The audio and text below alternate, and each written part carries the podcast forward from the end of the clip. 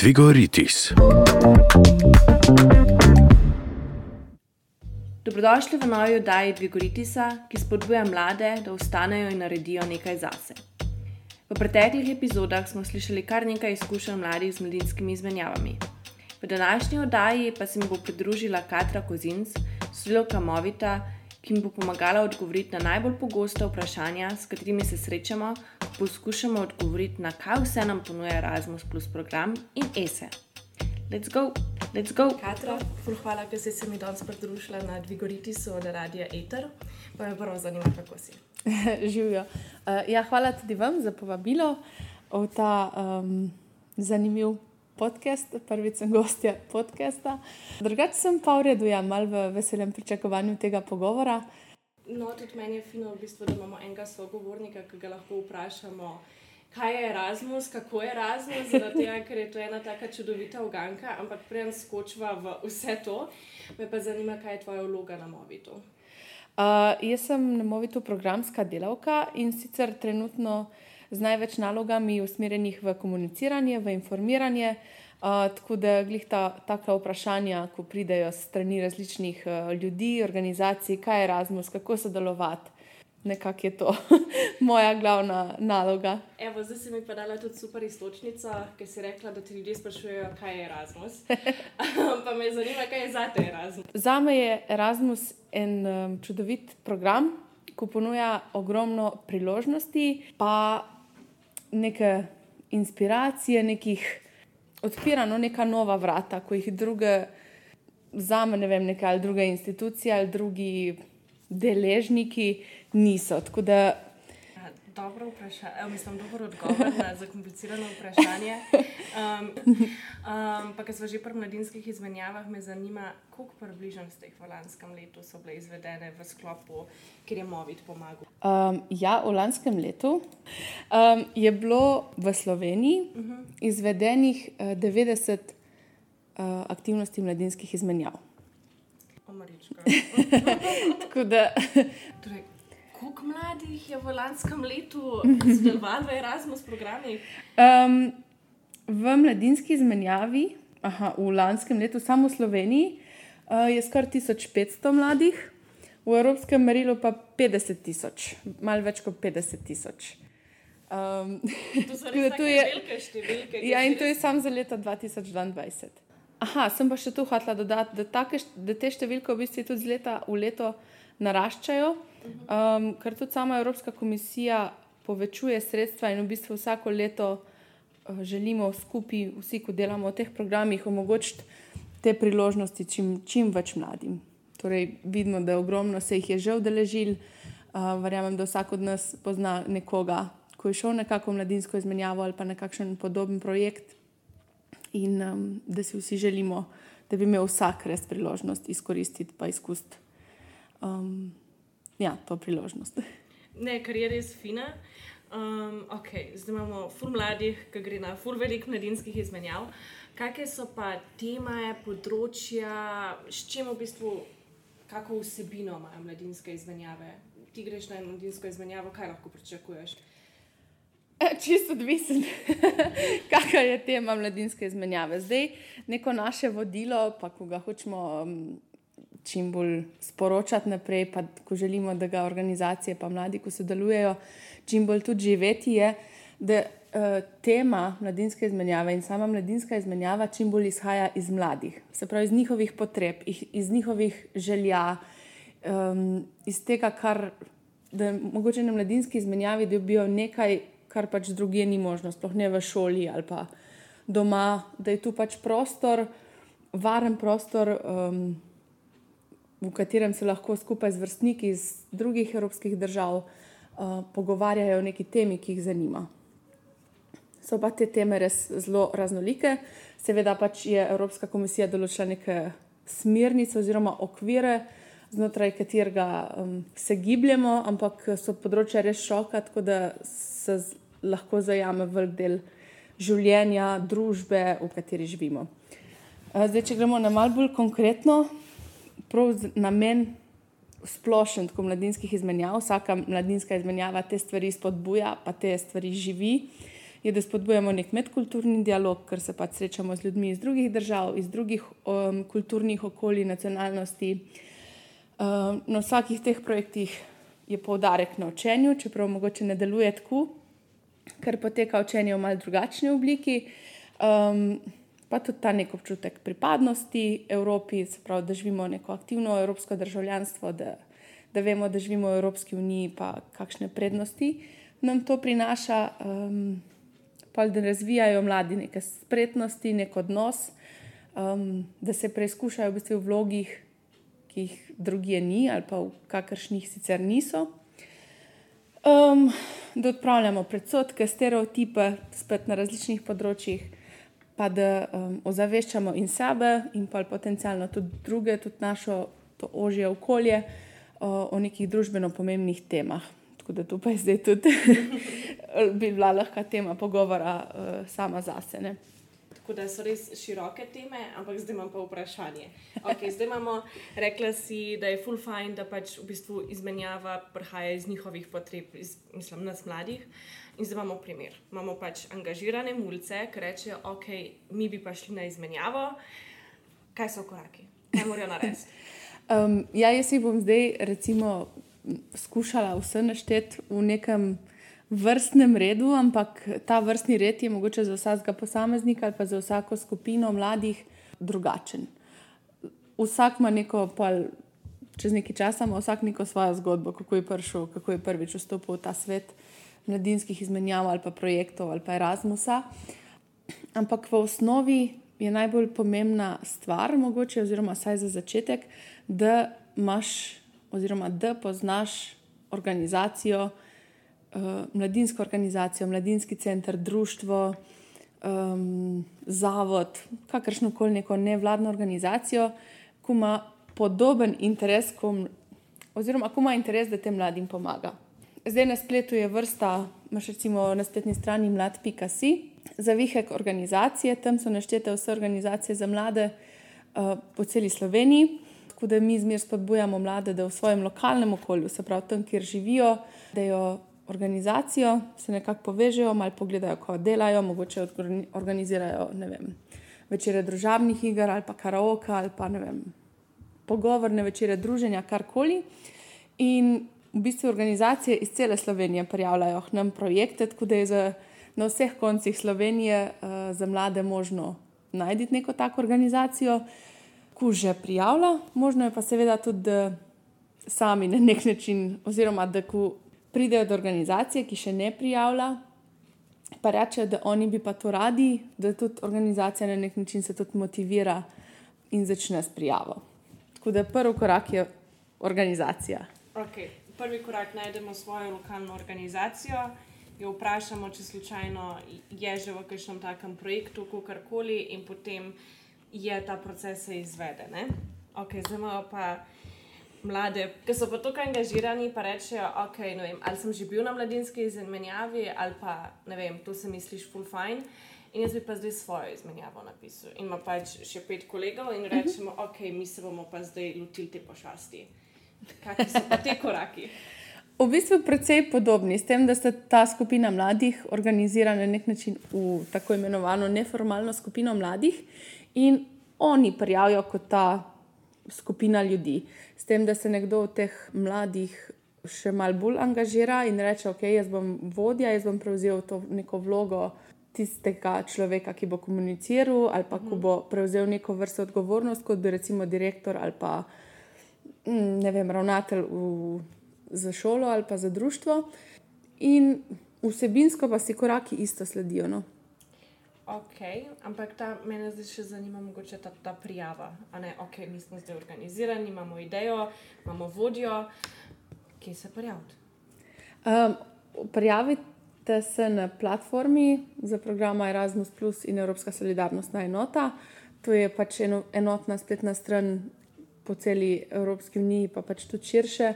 Prijava projektov, pa pa tudi za nadaljne spremljanje. V glavnem, to je naša go-to spletna stran.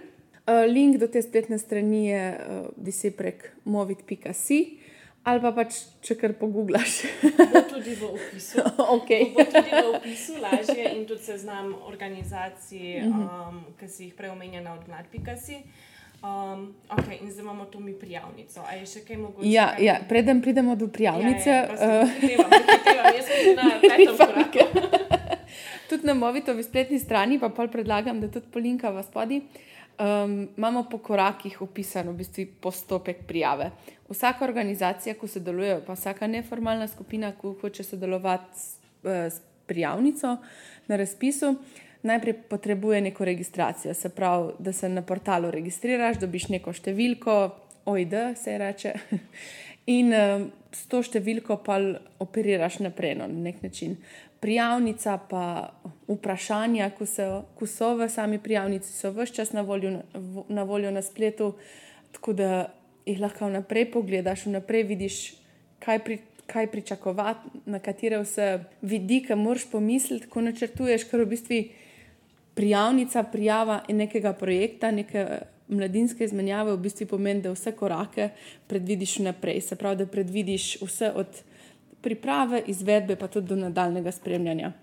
In prijavnica te skozi vprašanja v bistvu pelje po, po, po poti v bistvu projekta, ko se bo izvedel čez nekaj časa. Glede na to, da vse delaš na Movitu in da imaš, si najbrž že videla kar nekaj prijavnic, kaj bi bil, kar še mogoče sam tako na svet, na svetek. na svetek. um, ne vem, če bo na svetek, ampak je kar tak. Um, v bistvu prijava projekta se začne s tem, da dobro poznaš tistega, ki razpisuje, se pravi, ko da razpisen, se pravi, kaj Evropska komisija pričakuje od nas, in vse to Evropska komisija napiše v vodnik po programu. To je osnovni dokument, ko, ga, ko je fajn, da ga vsak, sploh recimo, če je neformalna skupina, um, da ga pozna. Tam je sicer je kar ko- zajetna bukva, ga PDF nekaj- dokument. Ja, jaz sem ga nekaj brala, mislim, da ima okrog 300 strani. Ja, ja, ampak ni vse relevantno. Ne? Pol recimo mm, s poglavje mladinske izmenjave ima mogoče deset strani, pa ne vem, prvih, prvih par deset strani je relevantnih z vidika, da imaš, neko, da imaš nek širši pogled na sam program, pa na te splošne uh, cilje, ko jih zasleduje, pa tudi, da veš, v katerem v katerih mejah, v katerem, kje se gibaš, no, po kakšnem prostoru, tako rečeno. Uh, za mladinske izmenjave imaš pa pol specifično res nekih deset strani in tam piše, in na katerih stvarih je največji poudarek, katere stvari berejo oziroma gledajo in ocenjujejo ocenjevalci, ko berejo projekt, kakšne so, na kakšen način se financira, kakšna postavka in si tam lahko vse že vnaprej tudi preveriš. Tako da Poleg tega, da res naj projekt izhaja iz mladih, je pa gre z roko v roki še z vodnikom. Če imaš pa organizacijo, pa si skupina mladih, ti pa mogoče to mladinski delavec ali pa oseba, ko pač te mentorira skozi ta proces, ti mogoče te stvari pove čez nek pogovor. Ampak fajn je vse in vedeti, da imaš na spletu ta vodnik, ta nek, ja, vodnik je tako beseda sama, da pove, ko te vodi čez vsebino in tudi sam proces. No.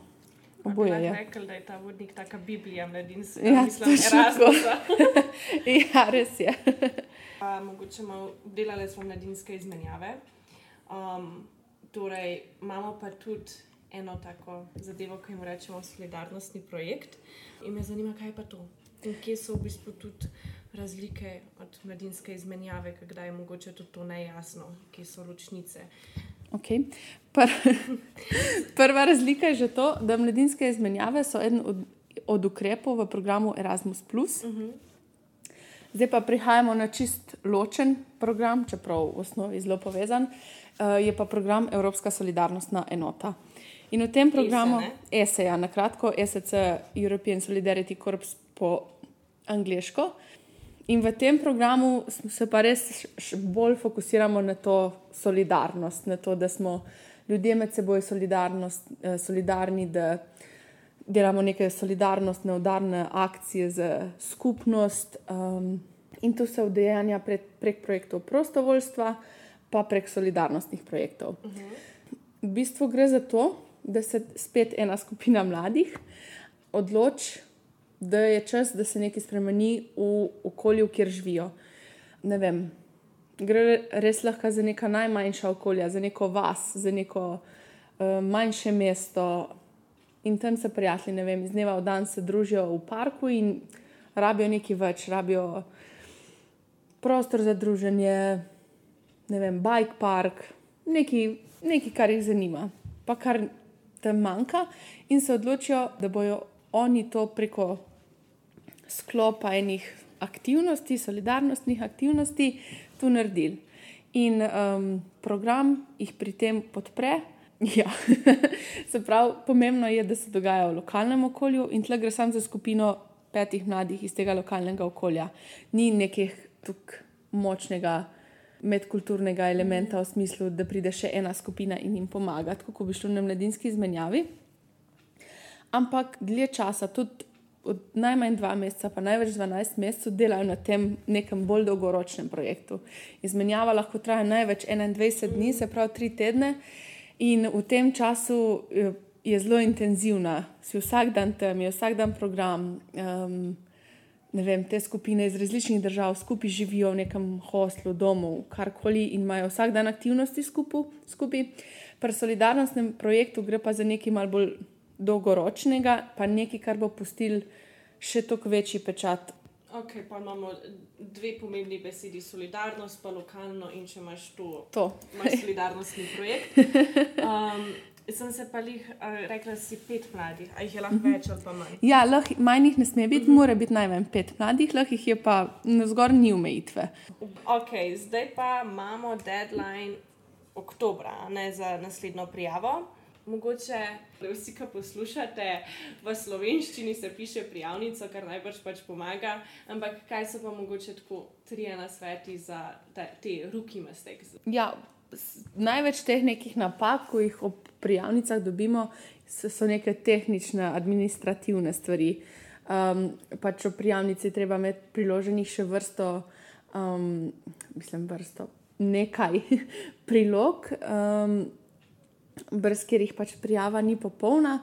Tako da, kar je treba, je res v bistvu dobro prebrati, um, kje stvari so potrebne, pa na kakšen način. Uh, zdaj te stvari tudi mi zmer poudarjamo na informativnih dnevih, kamor so vedno vsi vabljeni, ker se lahko tam konkretno pogovorijo ali z nami, ali se pomrežijo s kakšnimi drugimi organizacijami, ki imajo več uh, že izkušenj na tem področju. Zdaj, Zelo velikrat, ko se prijavljaš um, na mladinsko izmenjavo, okay, ali pa na solidarnostni projekt, ali pa prosto voliš, je to motivacijsko pismo. Um, in ne vem, ker mogoče si še mlad, pa še nisi napisal veliko motivacijskih pism. Kaj? Kaj, kaj, kaj naj bi bilo tam noter? Ne? Kaj ne napišeš v motivacijskem pismu? Motivacijska pisma so v bistvu orodje m, organizacij, ko mladinske izmenjave organizirajo. V parih stavkih ali v enem stavku odgovoriš na vprašanje, zakaj želim iti na mladinsko izmenjavo ali pa zakaj bi mogel glih jaz iti na to mladinsko izmenjavo, da m, je to dosti, da to ne rabi biti nek dolg sestavek, pa filozofsko vprašanje, ampak včasih je dosta velika motivacija že sam to, da si želiš. Okay, zdaj pa tako narediva 180. Um, pa me zanima, kako je pa malo za stroški. Um, torej, za mladinsko izmenjavo so pokriti načeloma tvoji stroški, vsi. Mhm. Um, torej, kar se tiče poti, znotraj nekega budžeta, ki ga imamo, in potem pač tudi nastanitev in hrana, ki je. Um, ok, solidarnostni projekt se itak dogaja v lokalni skupnosti in je neko financiranje. Kaj pa je za to povrnitvijo stroškov? Kako to zgleda? Uh, ja, tle so spet prakse organizacij zelo različne. Um, zdaj, načeloma organizacija prijaviteljica, se pravi, recimo nek slovenski mladinski center ali pa društvo, sredstva dobi uh, na svoj način.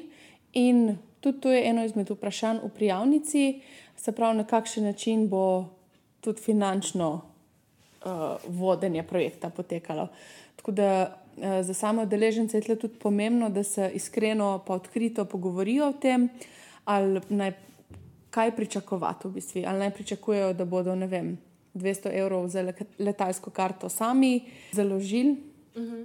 pa jim bo pa naknadna organizacija povrnila, načeloma pa je opcija tudi, da organizacija za udeležence kup karte in um, v bistvu ne rabiš nič svojih sredstev vlagati. No. Tako da je odvisen od prakse organizacije in um, najbolj pomemben je, da se o tem pogovoriš, da nasloviš to vprašanje na, na koordinatorja, na tistega, ko vodi projekt, pa da ti pa lahko tudi ti bo najbolj znal povedati. No.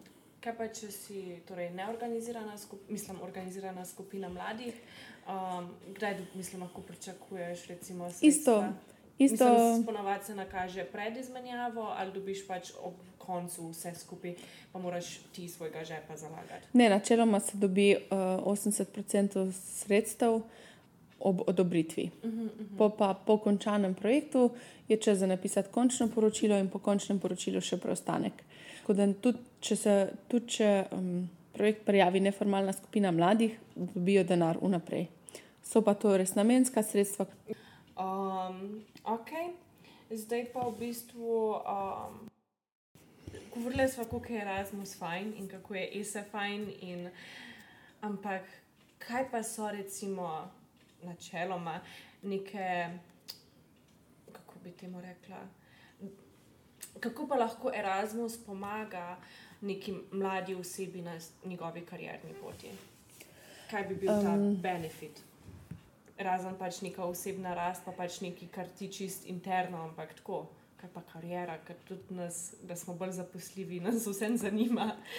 Ja, se mi zdi, da v, v zadnjem času, oziroma že kar nekaj časa, se pač poudarjajo neke te praktične veščine, kompetence, um, znanja, ko jih um, v nekem formalnem šolanju ne dobimo. Ali pa recimo, če smo zelo usmerjeni v študij, ali pa ne, že pač recimo tudi v srednjo šolo pa študij od nas veliko zahteva, mogoče nimamo toliko časa se ukvarjati z nekimi hobiji, pa še raziskovati, pa še delati preko študenta ali pa še, še praksa in sem in tja.